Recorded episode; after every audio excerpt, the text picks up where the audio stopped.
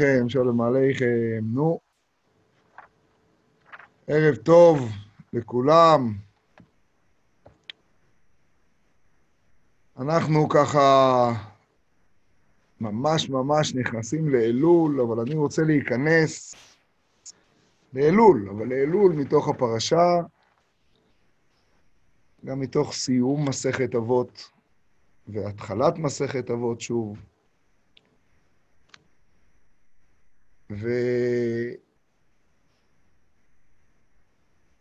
ואנחנו מתחילים בפרשה שלנו, פרשת שופטים, לעסוק בשופטים שנקראים גם במהלך הפרשה זקנים. ולאורך כל הפרשה עוסקים בזקנים האלה. לשיא זה מגיע בסיומה של הפרשה, בפרשת עגלה ערופה. שם כתוב, כי יימצא חלל באדמה אשר השם אלוהיך נותן לך לרשתה, פרק כ"א, ממש בסוף הפרשה, נופל בשדה, לא נודע מי היכהו, ויצאו זקניך ושופטיך ומדדו אל הערים אשר סביבות החלל. לא יודעים לאיזה עיר זה קרוב, נכון? אז הזקנים יוצאים ומודדים, העיר הקרובה אל החלל, ולקחו זקני העיר ההיא עגלת בקר אשר לא עובד בה. כלומר, ההתחלה היא שיוצאים זקניך ומודדים, ואחרי זה זקני העיר לוקחים את עגלת הבקר ומורידים אל זקני העיר ההיא את העגלה, והם ניגשים הכהנים, ומי זה זקניך? האם זקניך זה זקני העיר? כי יש כאן כמה פונקציות בפרשה. יש את הכהנים, יש את הלוויים, יש את זקני העיר. מי זה זקניך? אומר רש"י, ויצאו זקניך מיוחדים שבזקניך. אלו סנהדרין גדולה. אז קודם כל, סתם, זו הלכה מרתקת. נמצא חלל שאף אחד לא יודע מי אשם בו, נו, זה כל יום חמש פעמים בחדשות, השם ירחם. אז חמישה זקנים, מחלוקת תנאים עם שלושה או חמישה, מזקני בית דין הגדול עוזבים את ירושלים, והם לא באים לטקס, אלא הם לוקחים את המטר והם מודדים. הם מדדו. אחרי זה, זקני העיר מביאים את העגלה, ובסוף, כשאומרים ידינו לא שפכו, זה שוב זקניך. אז קודם כל, זו הלכה מרתקת. אבל מי אמר לרש"י שזקניך, הכוונה היא דווקא סנהדרין גדולה, המיוחדים שבעדה? אולי זקניך זה כל הזקנים? אז התשובה היא שהזקנים זה הגדולים. הגדול ביותר. מאיפה יודעים את זה? כי זקן זה מה שנקרא זקנה חוכמה. אז אם זה כתוב זקני העיר, אז זה ספציפית זקני העיר הזאת. אבל אם כתוב זקניך, אז אתה צריך לדעת איזה, איזה זקניך, וזקניך זה המיוחדים שבעדה. כלומר, ב, ב, במצב שבו סתם זקניך זה הזקנים הגדולים. מאיפה יודעים שזקניך זה המיוחדים שבעדה? אז המקור נמצא בדברי חז"ל. חז"ל אומרים שצריך לכבד חכמים. מאיפה לומדים שצריך לכבד חכמים? שנאמר, והדרת פני זקן. ואולי זקן הכוונה היא זקן בגיל, זקן כרונולוגי. אז חז"ל אומרים שזקן זה נוטריקון, זה קנה חוכמה. זה זקן. ומכאן שהמושג זקנה זה חכמים. כך מסביר רש"י למשל את הפסוק, שאל אביך ויגדך, זוכרים? שאל אביך ויגדך, זקניך ויאמרו לך. אז רש"י מסביר בהאזינו, שאל אביך ויגדך, זה הנביאים, אביך. כמו הפסוק, אבי אבי רכב ישראל ופרשיו, כך צועק אלישע לאליהו. אז אביך אלו הנביאים שנקראים אבות. זקניך אלו החכמים. סתם זקן זה חכם. ולכן גם לומדים שגם אם החכם הוא לא זקן בגיל, הוא נקרא זקן. כי זה קנה חוכמה. השבוע, תוך כדי לימוד במסכת אבות, התחלנו עם זה, ככה בלימוד קטן, ושאלתי שאלה של ילד. אני מודה שזה פלא שלא שמים לב אליה, אני לא, לא נתתי דעתי עליה אף פעם.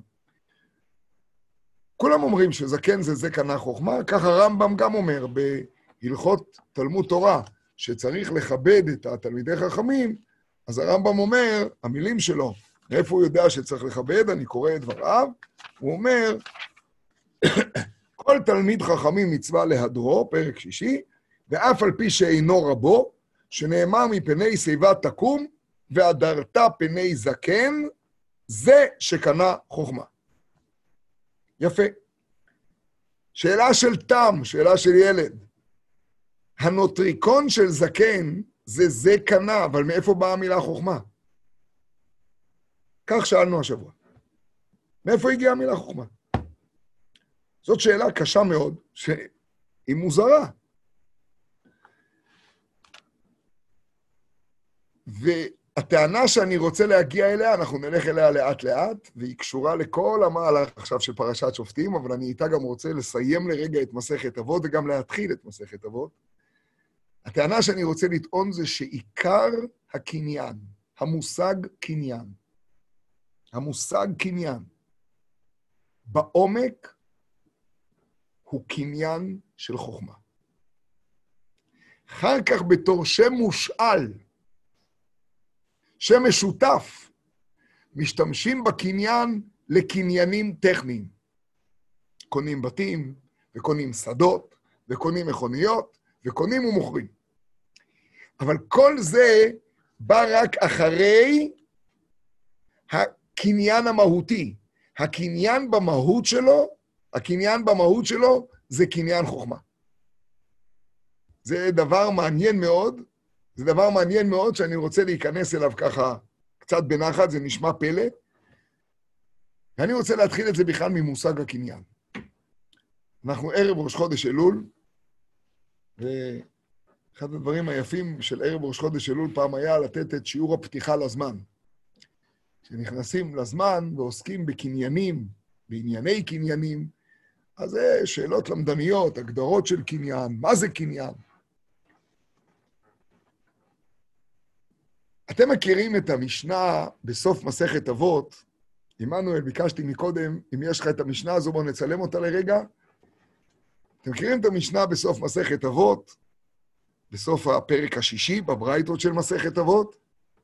משנה שאומרת, חמישה קניינים קנה לו הקדוש ברוך הוא בעולמו. אולי נראה רגע את המשנה, עמנואל, במקום... אה, אפשר לשים אותה שנייה? או, מצוין. או, חמישה קניינים קנה הקדוש ברוך הוא בעולמו. יש גרסה קנה לו הקדוש ברוך הוא. ואלו הם. תורה, קניין אחד, שמיים וארץ קניין אחד, אברהם קניין אחד, ישראל קניין אחד, בית המקדש קניין אחד, עוד מעט נמשיך את המשנה. אבל כבר אני שואל שאלה פשוטה, שאלה הכי פשוטה בעולם. הרי כל העולם הוא של הקדוש ברוך הוא. אז מה הפירוש שהקדוש ברוך הוא קונה חמישה קניינים? העולם כולו הוא שלו. תראו כבר את המשנה הבאה, עוד מעט נחזור למשנה הזאת, את משנה י"א, שחותמת את מסכת אבות. כל מה שברא הקדוש ברוך הוא בעולמו, אתם שמים לב, אגב, שזה שתי ברייתות צמודות, הן פותחות ב"בעולמו". כל מה שברא הקדוש ברוך הוא בעולמו, לא בראו אלא לכבודו, שנאמר כל הנקרא בשמי ולכבודי ברטיב, יצרתיו, אף עשיתיו, ואומר השם ימלוך לעולם ועד. השאלה א' היא, הכל שלו. אז מה פירוש שהוא קנה חמישה קניינים? וממי הוא קנה אותם? ומה המושג, אני הבנתי תמיד שקניין פירושו שאני קונה משהו שאין לי. הוא לא שלי, אחרת מה המשמעות של קניין? הקניין הופך אותו, נכון? הוא הופך את הרשות של הבעלות ממך אליי. אחרי זה, למה התנא משתמש בלשון קניין דווקא לדברים האלה? כלומר, כנראה הדברים האלה מסמלים את המושג קניין, אבל זה בכלל הופך לנו את כל המציאות. כנראה שהמושג קניין הוא אחר ממה שאנחנו תפסנו. בואו נקרא רגע את המשך המשנה. אברהם קניין אחד, ישראל קניין אחד, בית המקדש קניין אחד, תורה. אה, סליחה, תורה קניין אחד, שמיים וארץ קניין אחד, אברהם קניין אחד, מחילה, ישראל קניין אחד, בית המקדש קניין אחד. אתם רואים, אני עוד לא, עוד לא יודע ללמוד לקרוא מהמסך. תורה מניין. מאיפה יודעים שתורה קניין אחד? דכתיב, השם קנני ראשית דרכו. השם קנני ראשית דרכו. קדם מפעליו מאז. אז התורה אומרת, זה פסוק במשלי, שהתורה היא הדוברת, והיא אומרת, השם קנני, השם קנה אותי. שמיים וארץ מנין דכתיב? כה אמר השם השמיים כסאי והארץ אדום רגלי, איזה בית אשר תבנו לי ואיזה מקום מנוחתי, אבל לא כתוב פה קניין. חכו. ואומר, מה רבו מעשיך השם, כולם בחוכמה עשית מלאה הארץ קנייניך. אז בואו עוד פעם נקרא את המשפט הזה, הכפול, יש כאן שני משפטים. המשפט הראשון אומר ששמיים וארץ קניין אחד, שימו לב, זה מעניין, זה לא שמיים קניין אחד והארץ קניין אחד, שניהם קניין אחד. כמו אברהם, כמו תורה. שמיים וארץ הם, באח, הם, הם אותו אחד, בסדר? יופי. והפסוק הראשון רק אומר שהשמיים והארץ הם סט אחד, השמיים כסאי והארץ אדום רגלי.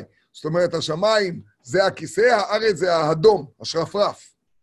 אז הפסוק אומר שזה אחד, שזה דבר אחד. ואז בא הפסוק השני ואומר, הארץ היא קניין. וכיוון שכבר אמרנו שזה דבר אחד שניהם, אז גם השמיים זה קניין. יפה? מצוין. פסוק שלישי, אברהם מניין. דכתיב ויברכהו ויאמר ברוך אברהם לאל עליון, קונה שמיים וארץ. מעניין מאוד. לפי הפירוש של המשנה, אז הקדוש ברוך הוא קורא לאברהם קניין, והוא אומר, קונה שמיים וארץ. זה מעניין. כלומר, לא הקדוש ברוך הוא קונה שמיים וארץ, שזה אגב היה יכול להיות הפסוק הכי פשוט להוכיח ששמיים וארץ קניין אחד, במקום כל מה שאמרנו מקודם, אלא איך מבינה המשנה? אברהם הוא הקניין. והקדוש ברוך הוא כאילו עשה את אברהם קניין, הוא קורא לאברהם קונה שמיים וארץ. חז"ל אומרים שהוא קרא לו קונה שמיים וארץ, והוא אמר, אתה קנית והקנית את העולם. בסדר? אברהם נקרא, אברהם נקרא קונה שמיים וארץ. הוא הכיר את הקדוש ברוך הוא והקנה לקדוש ברוך הוא, הוא הקנה לקדוש ברוך הוא את השמיים ואת הארץ. זה ביטוי מדהים. הרי הפסוק אומר, בראשית, וברוך אברהם לאל עליון, אתם זוכרים? קונה שמיים וארץ, כך אומר מלכי צדק, נכון? וברוך אברהם, כשהוא חוזר מהמלחמה עם ארבעת המלכים, עם החמישה. אז הוא אומר, ברוך אברהם לאל עליון, קונה שמיים וארץ. אז אפשר להבין שם הכי פשוט, אל עליון קונה שמיים וארץ. דרך אגב, בתפילת ליל שבת אנחנו אומרים, אל עליון קונה שמיים וארץ. אבל המשנה וחז"ל במדרש אותו דבר מבינים, שאברהם קרא לקדוש ברוך הוא קונה שמיים וארץ, כי הוא אומר לו, מעלה אני עליך כאילו אתה שותף עמי בבריאתו של עולם, ולכן גם אתה קונה שמיים וארץ. טוב, אברהם קניין אחד, נשאיר את זה פתוח, נמשיך. ישראל קניין אחד מנין, דכתיב עד יעבור עמך השם, עד יעבור עמזו קנית. מצוין, אז כבר יש פסוק, בשביל מה צריך עוד פסוק? ואומר לי, קדושים אשר בארץ אימה, ואדירי כל חפצי בם. מה מוסיף הפסוק השני? לומדים משנה היום, זה בסדר? לשנייה אחת. מה מוסיף הפסוק השני? הרי הפסוק הראשון הוא מספיק. עד יעבור עמך השם, עד יעבור עמזו קנית. הנה הוכחה שישראל נקראים קניין. ואז בא פסוק נוסף ואומר, אל תחשוב שזה היה רק אז בקריאת ים סוף, קניין לרגע, אלא לקדושים אשר בארץ המה ואדירי כל חפצי בם. החפצה שלי, חפצי בם. חפצי מופיע בם בישראל, והם קניין תמידי. מעניין למה צריך את הפסוק השני. כי בשמיים וארץ, הפסוק השני אמר, אתם מסתכלים במשנה? בשמיים וארץ, הפסוק השני אמר, מלאה הארץ קנייניך, אז לכן היה צריך אותו. אבל כאן מה מוסיף הפסוק השני? כבר נאמר רמזו קנית. ננתח את זה בהמשך. והאחרון, בית המקדש מנין, דכתיב מכון לשבטך פעלת השם, מקדש השם כוננו ידיך, הנה דוגמה קלאסית לזה שכן צריך שני פסוקים, ואומר, ויביאם אל גבול קודשו, הר זה קנתה ימינו. טוב, הר זה קנתה ימינו, כלומר, את בית המקדש הקדוש ברוך הוא קנה. וזה מקדש השם כוננו ידיך, אז בשביל מה בכלל היה צריך את הפסוק הראשון? עם כל מה שרצית להראות שהקדוש ברוך הוא קנה את זה, אז מספיק הפסוק, הר זה קנתה ימינו. עד כאן קריאה של המשנה. וברשותכם עוד שאלה אחת במשנה, למה צריך גם אברהם קניין אחד וגם ישראל קניין אחד? הרי אברהם זה ישראל, לא? למה לא יצחק קניין אחד, יעקב קניין אחד, משה, אהרון, דוד, שלמה? למה צריך את אברהם קניין אחד ואת ישראל קניין אחד? אם ישראל הם קניין אחד, אז אברהם הוא אביהם של ישראל. אז ממילא, מה, מה הנקודה באברהם קניין אחד? אבל אני חוזר לשאלה העקרונית. המשנה הזו באה לעשות לנו מהפכה בהבנת מושג הקניין. כנראה שיש לנו תפיסה שצריך לכבס אותה, להבין אחרת לגמרי את מושג הקניין. בואו נוריד את המקור ונחזור. בסדר, עמנואל? בואו נוריד את זה ונחזור לראות איש את רעהו. או! אז עכשיו, אז עכשיו ננסה להבין את המושג הזה, זה מושג פלא פלאות, באמת. הרי בינינו, אם ננתח ביחד את מושג הקניין, כשאנחנו חושבים מה זה קניין, אז זה... קניין זה, זה... התורה מלאה בקניינים. תורה מלאה, שדות בכסף יקנו, ואברהם קונה, נכון, מערה, ותורה מלאה בקניינים. המושג קניין חוכמה נראה איזה מין מטאפורה כזאת. מטאפורה יפה שמתארת, מטאפורה יפה שמתארת, אה, זה כמו קניין. אתם זוכרים שבפרק השישי של מסכת אבות, לא רק הקדוש ברוך הוא, הוא הקניין. היום יש קניין, בקיבוצים יש את הקניין. מסתבר שהקדוש ברוך הוא הקניין המרכזי. הוא קניין. עם מי הוא קונה? מה הוא קונה? כנראה לא הבנו את המושג. יש לזה מילה אחרת שצריך להבין. אבל עוד רגע, נראה האם אני מערבב פה איזשהו מושג רוחני עם מושג לגמרי הלכתי. אמרתי לכם, פותחים זמן אלול. אני רוצה ללמוד את דרכי קניין בעולם, ואני טוען שכל המושגים של קניין מתחילים פה. נגיע לזה לאט-לאט. אבל לפני כן, עוד משפט אחד.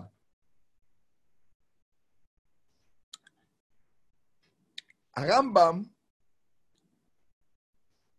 בספריו, גם את זה הזכרנו, הרמב"ם בספריו נותן כותרות לכל ספר.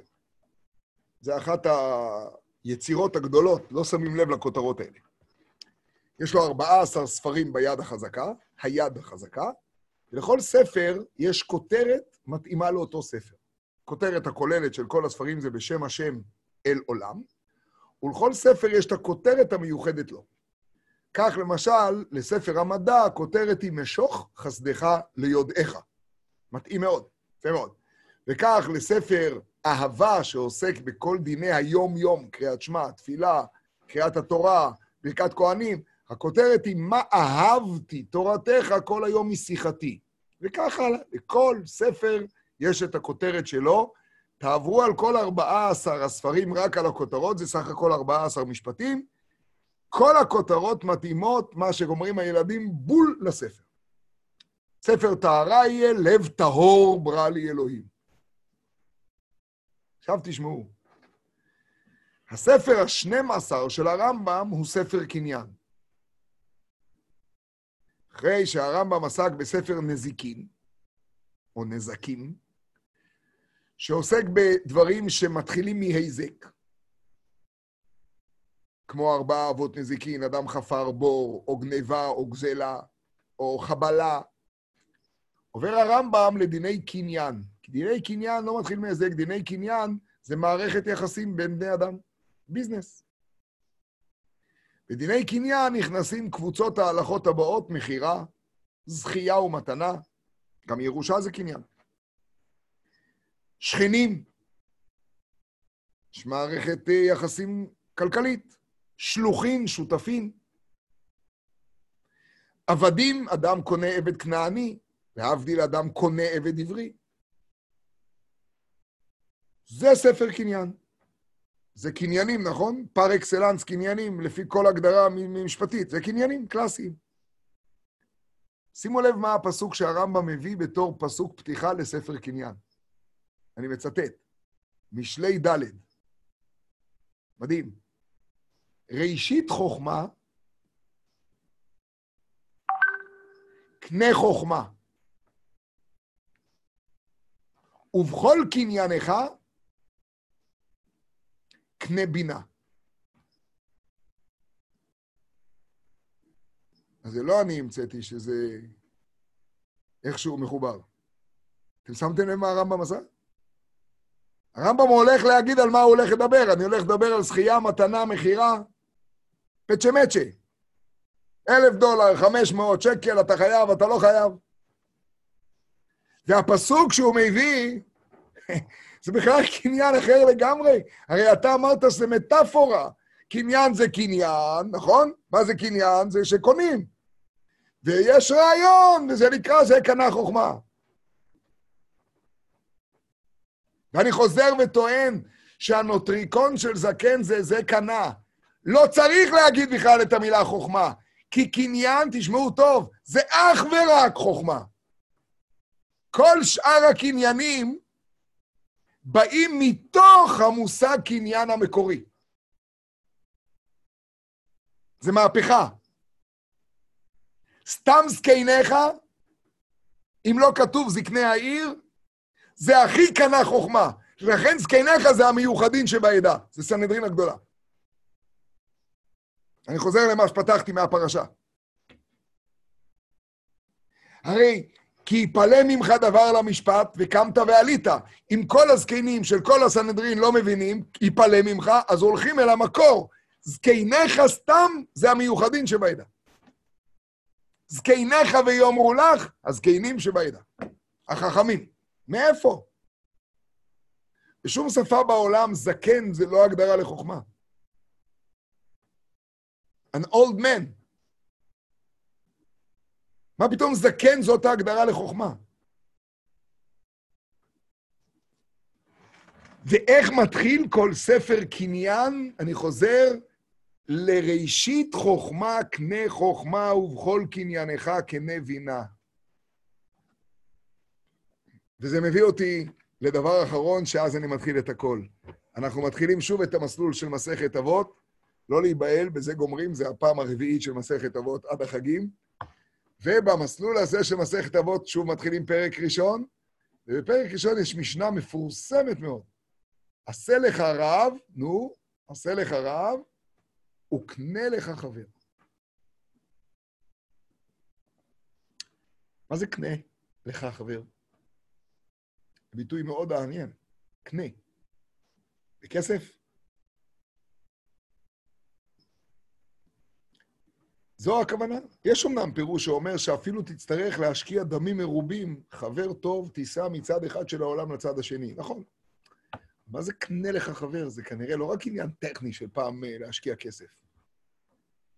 למה לא קנה לך רב? מה זה קנה לך חבר? זה ביטוי מעניין מאוד. אני רוצה להתחיל את הכל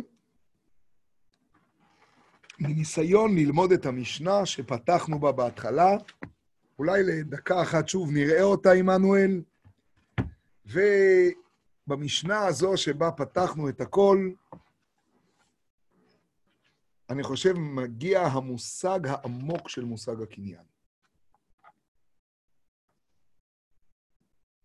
בשיחה מרתקת של הרבי מלובביץ', זכותו יגן עלינו, הוא לומד מה בעומק המושג קניין מבטא. והוא אומר כך, קניין משמעותו, תשמעו את ההגדרה, העברה של חפץ כמות שהוא מרשות לרשות. שומעים? by definition, ההגדרה מאוד חשובה. כמות שהוא, אני מסביר. אתה מעביר חפץ מרשות המוכר לרשות הלוקח, אבל במהות של החפץ, במהות של הדבר, לא חל שום שינוי. זה מאוד מובן. אם אני קונה ממך משהו, ואני רואה שמה שקניתי הוא לא מה שאני יודע שיש בחפץ הזה, חסר לי פה משהו, אז המקח בטל, אני חוזר ואומר לך, היה פה קניין בטעות, זה לא קניין, הקניין לא תפס. כדי שהקניין יתפוס, אני צריך שלא יחול שום שינוי במהות של הדבר שאותו אני קונה. אפשר עמנואל להוריד, אני בעצם מסתדר בלי זה. שלא יחול שום שינוי במהות הדבר הנקנה. לימים, אחרי שאתה משתמש בקניין, הוא כבר שלך, נו, אז מן הסתם אתה כבר אה, חלים בו בלאי וחלים בו דברים אחרים. אני אתן לכם דוגמה הכי פשוטה בעולם. אדם יוצא עם אוטו חדש, ככה מהחנות, מהנמל, והוא נוסע לשכונה, הוא כמובן רוצה שאף אחד לא ידע, אבל במקרה הניילונים נשארו, אתם יודעים, ככה בטעות, ככה זה. והניילונים נשארו, והאוטו יפה וחדש. נכון שכולם שואלים אותו איפה הוא קנה את זה. זה, רואים את זה, זה נקנה, זה כמו שזה. יש שלב שבו כשאתה נוסע עם האוטו כבר לא שואלים אותך איפה קנית, אלא בכמה אתה מוכר. זה שלב שכדאי לדעת שאז כדאי כבר לחשוב פעמיים. למה? כי זה כבר לא נראה כמו שהוא. זה כבר משהו אחר. זה נכון לא רק על האוטו, זה נכון גם עלינו, אבל לא משנה. זה לא נראה כמו שהוא. זה כבר אחר.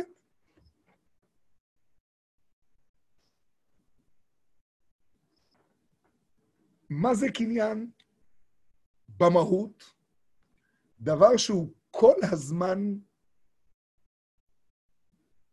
נשאר במהותו אותו דבר. זאת המהות. בפועל, בעולם, יש בלאי. אבל כשהאדם מקנה וקונה, הוא רוצה שגם הפנס שהוא קנה באוטו החדש יהיה בדיוק במקום. ואם אני נוסע עם האוטו החדש ומישהו רואה ואומר, וואו, עבדו עליך בפנס, אני חוזר מיד ואומר, חבר'ה, נכון? כשהקדוש ברוך הוא ברא את העולם, תשמעו את הפשט של המשנה, זה לא ייאמן. אז עצם מושג הבריאה הוא שהקדוש ברוך הוא יצר מציאות שבאופן טבעי לא משדרת אלוקות, אלא היא נראית חלל פנוי, כמו שנקרא מאלוקות. זאת אומרת, מלך העולם. התפקיד של העולם הוא שהוא נעלם בתוכו. אחרת לא הייתה לי בחירה חופשית. נכון? אני לא רואה אלוקות כל שנייה. מה אני רואה? אני רואה עולם. אני רואה מציאות כאילו מנותקת. אם הייתי כל הזמן יודע שהכל נמצא פה מאמיתת הימצאו, בכלל לא הייתה לי בחירה בעולם. העולם הוא משהו שהוא בעצם כבר הופך לבריאה בפני עצמו. אתם יודעים שיש ארבע עולמות. נחזור עוד פעם ככה, עמנואל, שוב, זה תרגיל בהתעמלות כזה, עוד פעם נחזור רגע למשניות, בשביל המשנה האחרונה. אתם יודעים שיש ארבע עולמות, שכשהקדוש ברוך הוא רצה לברוא את העולם הזה, אז הוא הצטמצם דרך ארבע העולמות האלה. בואו נראה את משנה י"א, תראו את המשנה. כל מה שברא הקדוש ברוך הוא בעולמו, לא בראו אלא לכבודו. שימו לב למשנה הזאת, שנאמר, כל הנקרא בשמי ולכבודי, ברטיב, יצרתיו, אף עשיתיו. כמה עולמות יש פה? שלוש, שלושה עולמות. בריאה, יצירה, נכון? ועשייה. אנחנו יודעים שמעליהם יש את עולם האצילות. עולם האצילות הוא העולם שבו עדיין הכל אלוקות, אבל זה כבר עולם. אבל מה? זה עוד לא בריאה. זה עוד לא מתהווה. עכשיו, כשזה הולך ומופיע אצלנו פה בעולם הזה, עד לצמצומים הכי הכי הכי נמוכים אצלנו כאן, כדי שאנחנו נכיר את הקדוש ברוך הוא מתוך המציאות, כדי שאנחנו נעשה לו דירה בתחתונים, כדי שאנחנו נגלה אותו, הוא מלך העולם, הוא הולך ונעלם. אז כשהקדוש ברוך הוא חפץ לברוא את העולם, הוא קודם כל עשה עולם שנקרא אצילות. אצילות זה מלשון אצלו. זה עדיין עוד לא עם צורות, ולא עם בריאה, ולא יש מאין. מבחינתנו זה עדיין אין. בסדר? אבל זה כבר אצילות. סידורי הספרדים, יש את עולם האצילות בתפילה, עולם הבריאה, עולם היצירה, עולם העשייה. שימו לב למשנה האחרונה הזאת, למשנה י"א, היא מדהימה. כל מה שברא הקדוש ברוך הוא בעולמו לא בראו אלא לכבודו.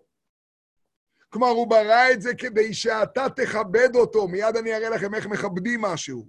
שנאמר כל הנקרא בשמי, הנקרא בשמי ולכבודי. אתם יודעים מה זה הנקרא בשמי? זה עולם האצילות.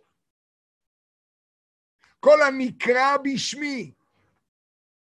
ברטיב, יצרתיו, אף עשיתיו. עכשיו באים שלושת העולמות שמתחת לאצילות. בואו עוד פעם נחזור רגע לתמונות שלנו, נוריד את זה.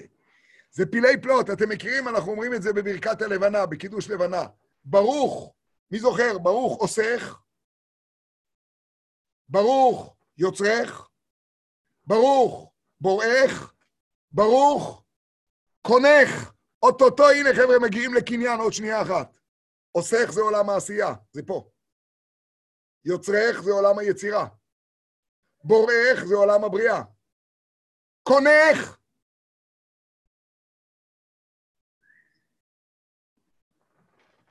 שם, בעולם האצילות, שאנחנו לא מבינים בו כלום, ולעולם לא נבין בו שום דבר, ולעולם, לעולם, לעולם, אנחנו גם, הבריאה זה כבר שלב א', היצירה זה שלב ב' וג', בעולם האצילות, שם עוד הקניין נראה כמות שהוא, הכל זה קניין, כל העולם שם הוא קניין. כי בעצם כל העולם זה רק אלוקות. הכל זה אין עוד מלבדו. כשהיינו במעמד הר סיני נאמר, אתה הורית לדעת כי השם הוא האלוהים, אין עוד מלבדו. איך אמר רש"י? שהקדוש ברוך הוא פתח את שבעת הרקיעים וקרע את הרקיעים העליונים והתחתוניים, וראינו שהוא יחידי. רואים את הקולות. ואז קיבלנו מפי הגבורה את אנוכי השם אלוקיך ולא יהיה לך אלוהים אחרים על פניי, והפנמנו לעצמנו את כל הדרך שבה אין עוד מלבדו. ראינו שהוא יחידי. אבל נבהלנו, אתם זוכרים? בצדק. ואז אמר לנו משה רבנו, אל תיבהלו, לבעבור נסות אתכם בה אלוהים, תשמעו, זה גוואלד. נסות אתכם, זאת אומרת לרומם אתכם בה אלוהים, ולבעבור תהיה יראתו על פניכם לבלתי תחטאו. לא יודע מה נשמע אצלכם, אבל אני כן חטאתי פעם, פעמיים. אז מה הפשט? ולבעבור תהיה יראתו על פניכם לבלתי תחטאו על פניכם, זה not in your face. על פניכם זה שבפנימיות שלכם הוחדר הרעיון שהקדוש ברוך הוא החדיר בכם את אנוכי ולא יהיה. זה אנוכי ולא יהיה מפי הגבורה שמענו. את כל התורה שמענו אחרי זה מפי שליח שהביא מפי המלך. אבל הרצון שלנו, אתם זוכרים לראות את מלכנו, היה שזכינו שהשם אין עוד מלבדו ושהוא יחיד בעולמו, הוחדר בנו ממנו. זה ה-DNA האלוקי שבתוכנו. הוא, הוא מאוד נעלם, יש לנו בחירה חופשית, ויש לנו קליפות, ואנחנו יכולים לא לשים לב לזה, זה הכל נכון, אבל בתוכו, תוכו, תוכו, בבפנוכו, בפניכם, לבלתי תהיה יראתו. אל תיראו כי לבעבור נסות אתכם אלוהים. בא האלוהים, לבעבור תהיה יראתו על פניכם. כדי שתגיעו בכלל לאפשרות כזאת לבלתי תחטאו. כי אחרת זה ניסיון שאי אפשר לעמוד בעולם הזה. איך אפשר לעמוד בו? ולפני שאני מגיע לקניינים, מה שברא הקדוש ברוך הוא בעולמו הוא לא בראו אלא לכבודו, תשמעו איזה יופי של מילה לכבודו. אתם יודעים מה זה לכבודו? בעברית, לכבד משהו, זה לא רק ריספקט. אתם יודעים איך מכבדים את הבית? מטאטאים אותו. לכבד משהו זה פשוט לפנות את כל הלכלוך ולגלות אותו. לא לתת לאבק להסתיר אותו. הוא ברא את העולם כדי שהוא יופיע בו. ואז הוא הופיע דרך קונך, בורך, יוצרך, עושך. אבל איך נקרא האצילות? קונך. עכשיו תקשיבו. חמישה קניינים קנה לו הקדוש ברוך הוא בעולמו. בתוך העולם הזה הוא השאיר חמישה דברים שהם קניינים. כלומר, שאומנם הם התלבשו בדברים הכי גשמיים, אבל הם לא ירדו ולא יורדים ולא ירדו אף לא רגע אחד ממעלתם העצמית. כלומר, הם ממשיכים להיות האין סוף בעצמו. ואלו הם תורה קניין אחד. מה זה תורה? השם קנני ראשית דרכו בחוכמה, ואני יכול ללמוד בתורה דברים ששייכים בכלל לעניינים טכניים לעולם הזה, למכירה וזכייה ומתנה, ול... אבל הלימוד של התורה הזו הוא ייחוד עם האין סוף, ברוך הוא, התורה היא אין סוף. הלימוד של הסוגיה הוא אין סוף, והלימוד של הפסוק הוא נפגש עם האין סוף, וכל פרט בתורה הוא מפגש פה במציאות עם האין סוף ממש. התורה לא ירדה ממעלתה וממדרגתה. אתם זוכרים שהמלאכים רצו את התורה והם אמרו, מה לילוד אישה בינינו? התשובה הייתה, אני רוצה שהאין סוף ירד למי שיש לו לא תנאף ולא תחמוד ולא תגנוב, אתם זוכרים? וששם ימשיך להיות, תקשיבו טוב, זה פלא פלאות, בתוך הבריאה, בתוך היש, בתוך הנעלם, ימשיך להיות קניין, שכל פעם שתפגוש אותו אתה רואה את זה שהקניין נשאר כמות שהוא. הקניין מגלה את האלוקות בתוך המציאות. תורה קניין אחד. ישראל קניין אחד. זה נראה כמו כל אחד, זה מטר שמונים עם שתי רגליים, עם שתי ידיים.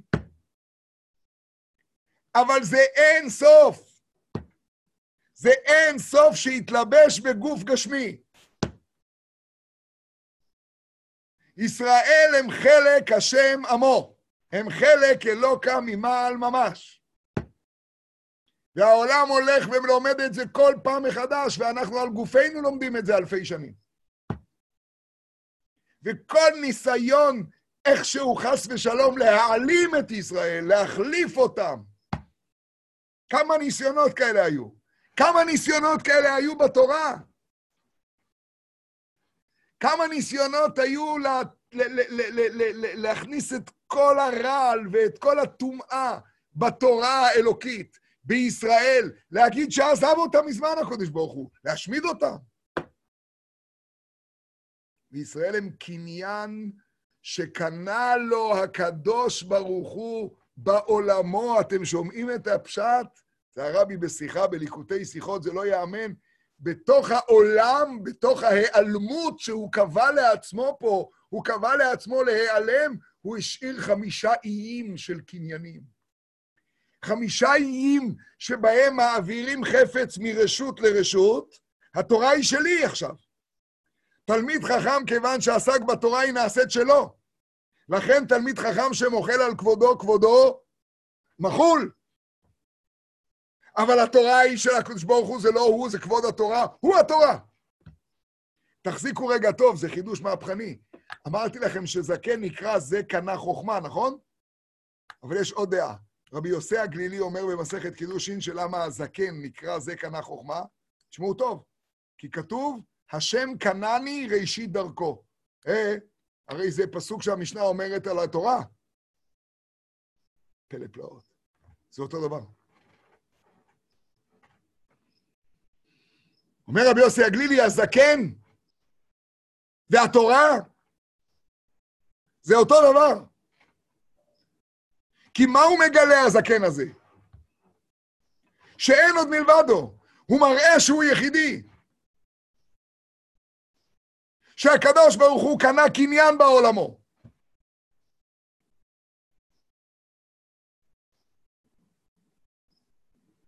כל עולם הקניינים שאנחנו מכירים בעולם, הרי הוא העולם שיכול לקחת אותנו הכי רחוק מאלוקות.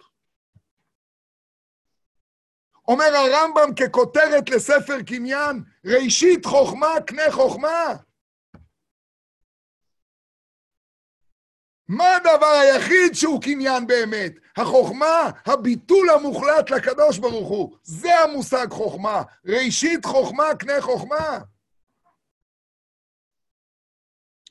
תפעיל את הקניינים, תקנה עבדים ותעשה שלוחין ושותפין ותקנה בתים ושדות ותקנה מכוניות ותמכור נעליים, תעשה מה שאתה רוצה. אבל ראשית חוכמה קנה חוכמה.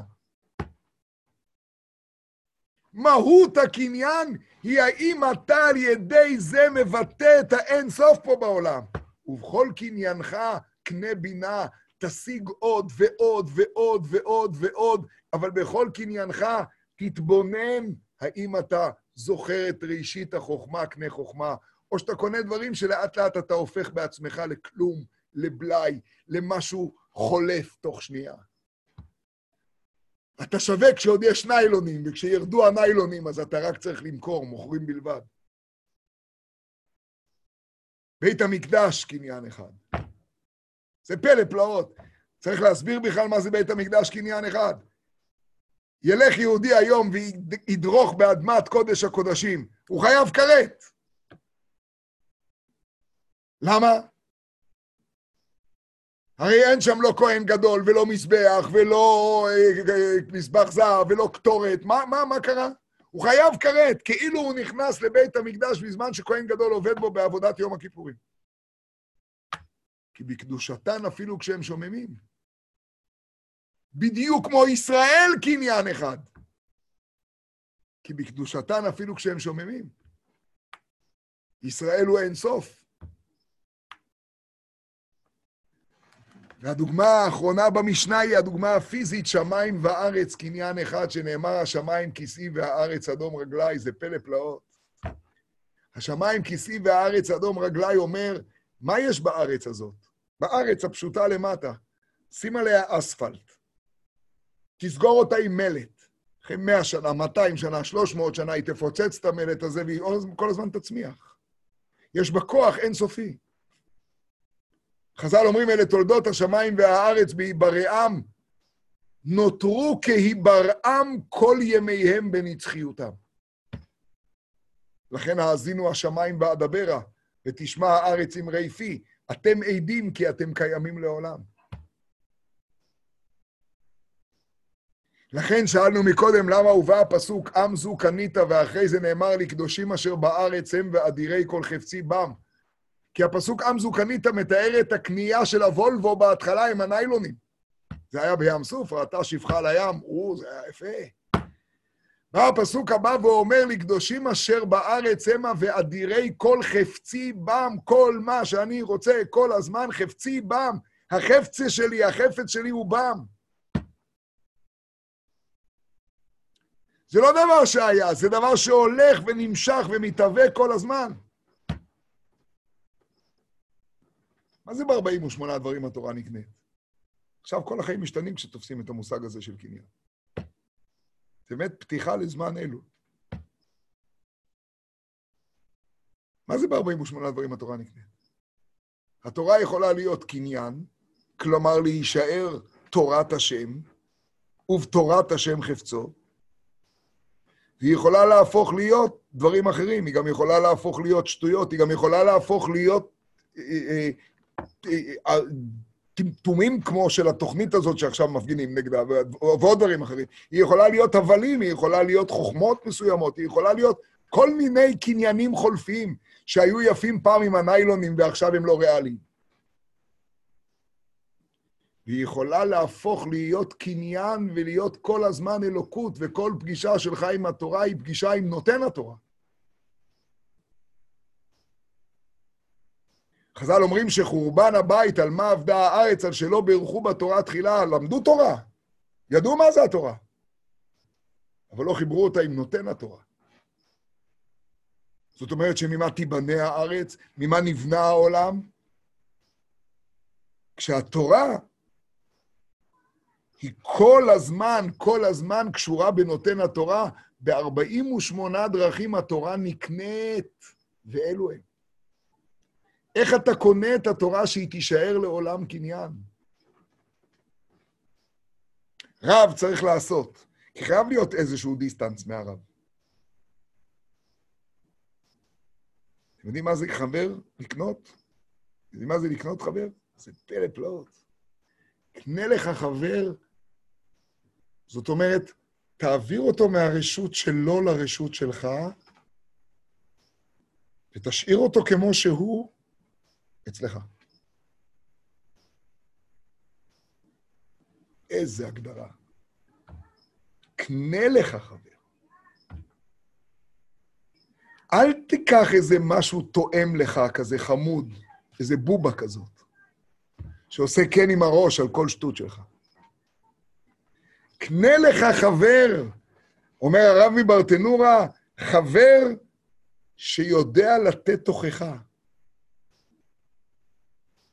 והוא חבר, ואתה משאיר אותו כמות שהוא, אבל הוא ברשות שלך, ואתה חבר שלו, אתה עובר מרשות לרשות, ונשאר מה שאתה.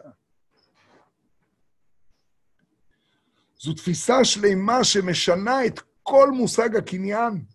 והרמב"ם מתעקש ואומר, חבר'ה, יש לי 14 ספרים, אבל בספר ה-12, כותרת כל ענייני הקניינים זה קניין חוכמה. סתם זקן זה זה קנה חוכמה. סתם קניין זה קניין של אין סוף. קניין זה משהו שתמיד נשאר כמות שהוא. שום דבר לא נשאר כמות שהוא חוץ מהחוכמה. בכל דבר יש בלאי. מה נשאר כמות שהוא? חוכמה, כמו שהזוהר הקדוש אומר, שחוכמה זה כוח מה, הבכוח, כשזה רק המה, המה, המקור. לפני האיך והכמה והלמה והאיפה והמתי, והנשנה את זה והנוריד את זה. השם בחוכמה יסד ארץ. כולם בחוכמה עשית. זקן זה זה קנה חוכמה. וכשאתה עוסק בקניינים, אז הקניינים האלה יכולים או לנבוע מראשית חוכמה קנה חוכמה, או לנבוע מההיעלמות חס ושלום, ואתה רק רוצה לקחת כל דבר ולסרס אותו, לשנות אותו ממשהו במקור שלו, לעשות ממנו דבר אחר, מה שאתה צריך. לא להשאיר שום דבר כמות שהוא. מה אתה עושה בקניין שלך בעולם? מסכת קידושין מתחילה ב"האישה נקנית". לאיזה עומק אפשר להגיע כשמבינים באמת את העומק של המושג הזה? זה עומק המושג. אלא איך הבנתם נקנית? כמו שמבינים הטיפשים, כמו חפץ, חס ושלום.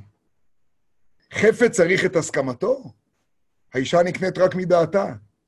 אז ממתי זה מתאים לדיני זכייה ומתנה ומכירה ושכנים? אם האישה נקנית שייך למושגים האלה, אז למה הרמב"ם לא הכניס הלכות קידושין בספר קניין? חס ושלום, זה אי-הבנה של המושג. זה כמו הקדוש ברוך הוא קונה.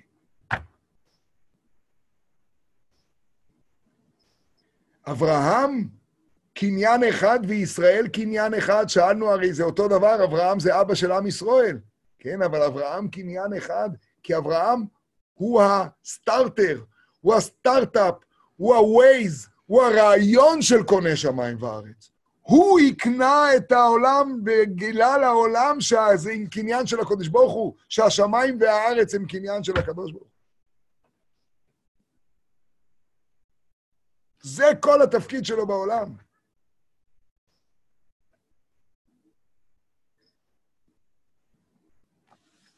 וזה המושג של זקנים. נחזור למה שבו פתחנו ובואו נסיים. פרשת שופטים זה הפרשה הראשונה של חודש אלול.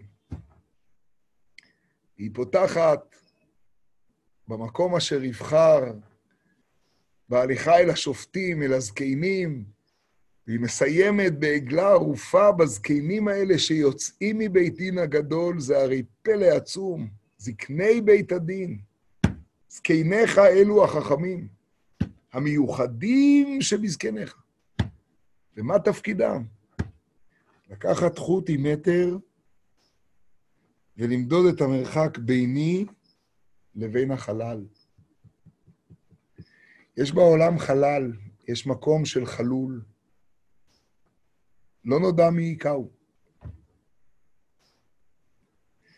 והזקנים שהם קוני החוכמה, צריכים לבוא ולעזור לי למדוד את המרחק ביני לבין החלל. כמה אני קשור לזה שיש כאן משהו שאיבד את הקשר שלו למקור, שמת. זה יכולים רק הזקניך המיוחדים שבזקניך.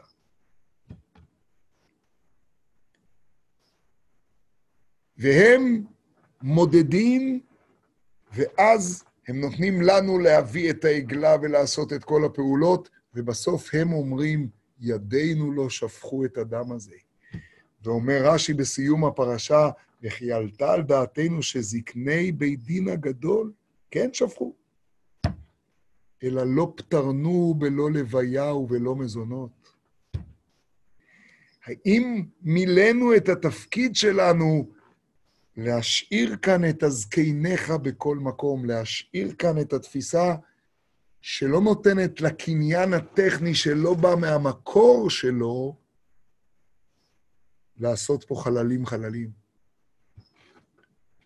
האם אני מבין שמקור מושג הקניין הוא ראשית חוכמה, קנה חוכמה, ובכל קניינך קנה בינה, ואז אדרבה, התורה רוצה שתעסוק בשכנים ובזכייה ומתנה ובמכירה, אבל כשאתה זוכר מאיפה התחלת את כל הסיפור, כשאתה קשור לשם, ומה תפקידו של הזקן? למדוד את המצב וכל הזמן להחזיר אותך לשורש הזה. איזה משפט יותר מתאים לסיים, איך כתוב שם, ב... זה אגב הפך להיות שיר, שהוציאו אותו מהקשרו, אבל הוא כל כך עמוק, בורא עולם בקניין, השלם זה הבניין. תראו מה ששיר יכול לעשות, זה פיוט במוצאי שבת.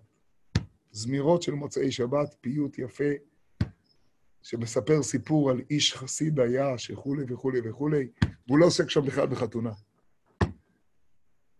והוא אומר, בורא עולם בקניין, השלם זה הבניין. בורא עולם בקניין זה תרתי דה סתרי. בורא עולם זה שהוא החליט לעשות בריאה, זאת אומרת, להכניס אותי ביש ולהיעלם. אבל הוא ברא את העולם בפטנט של קניין. לכן זה כל כך קשה לי. אני יכול לנסות, אבל הוא חייב לעזור לי.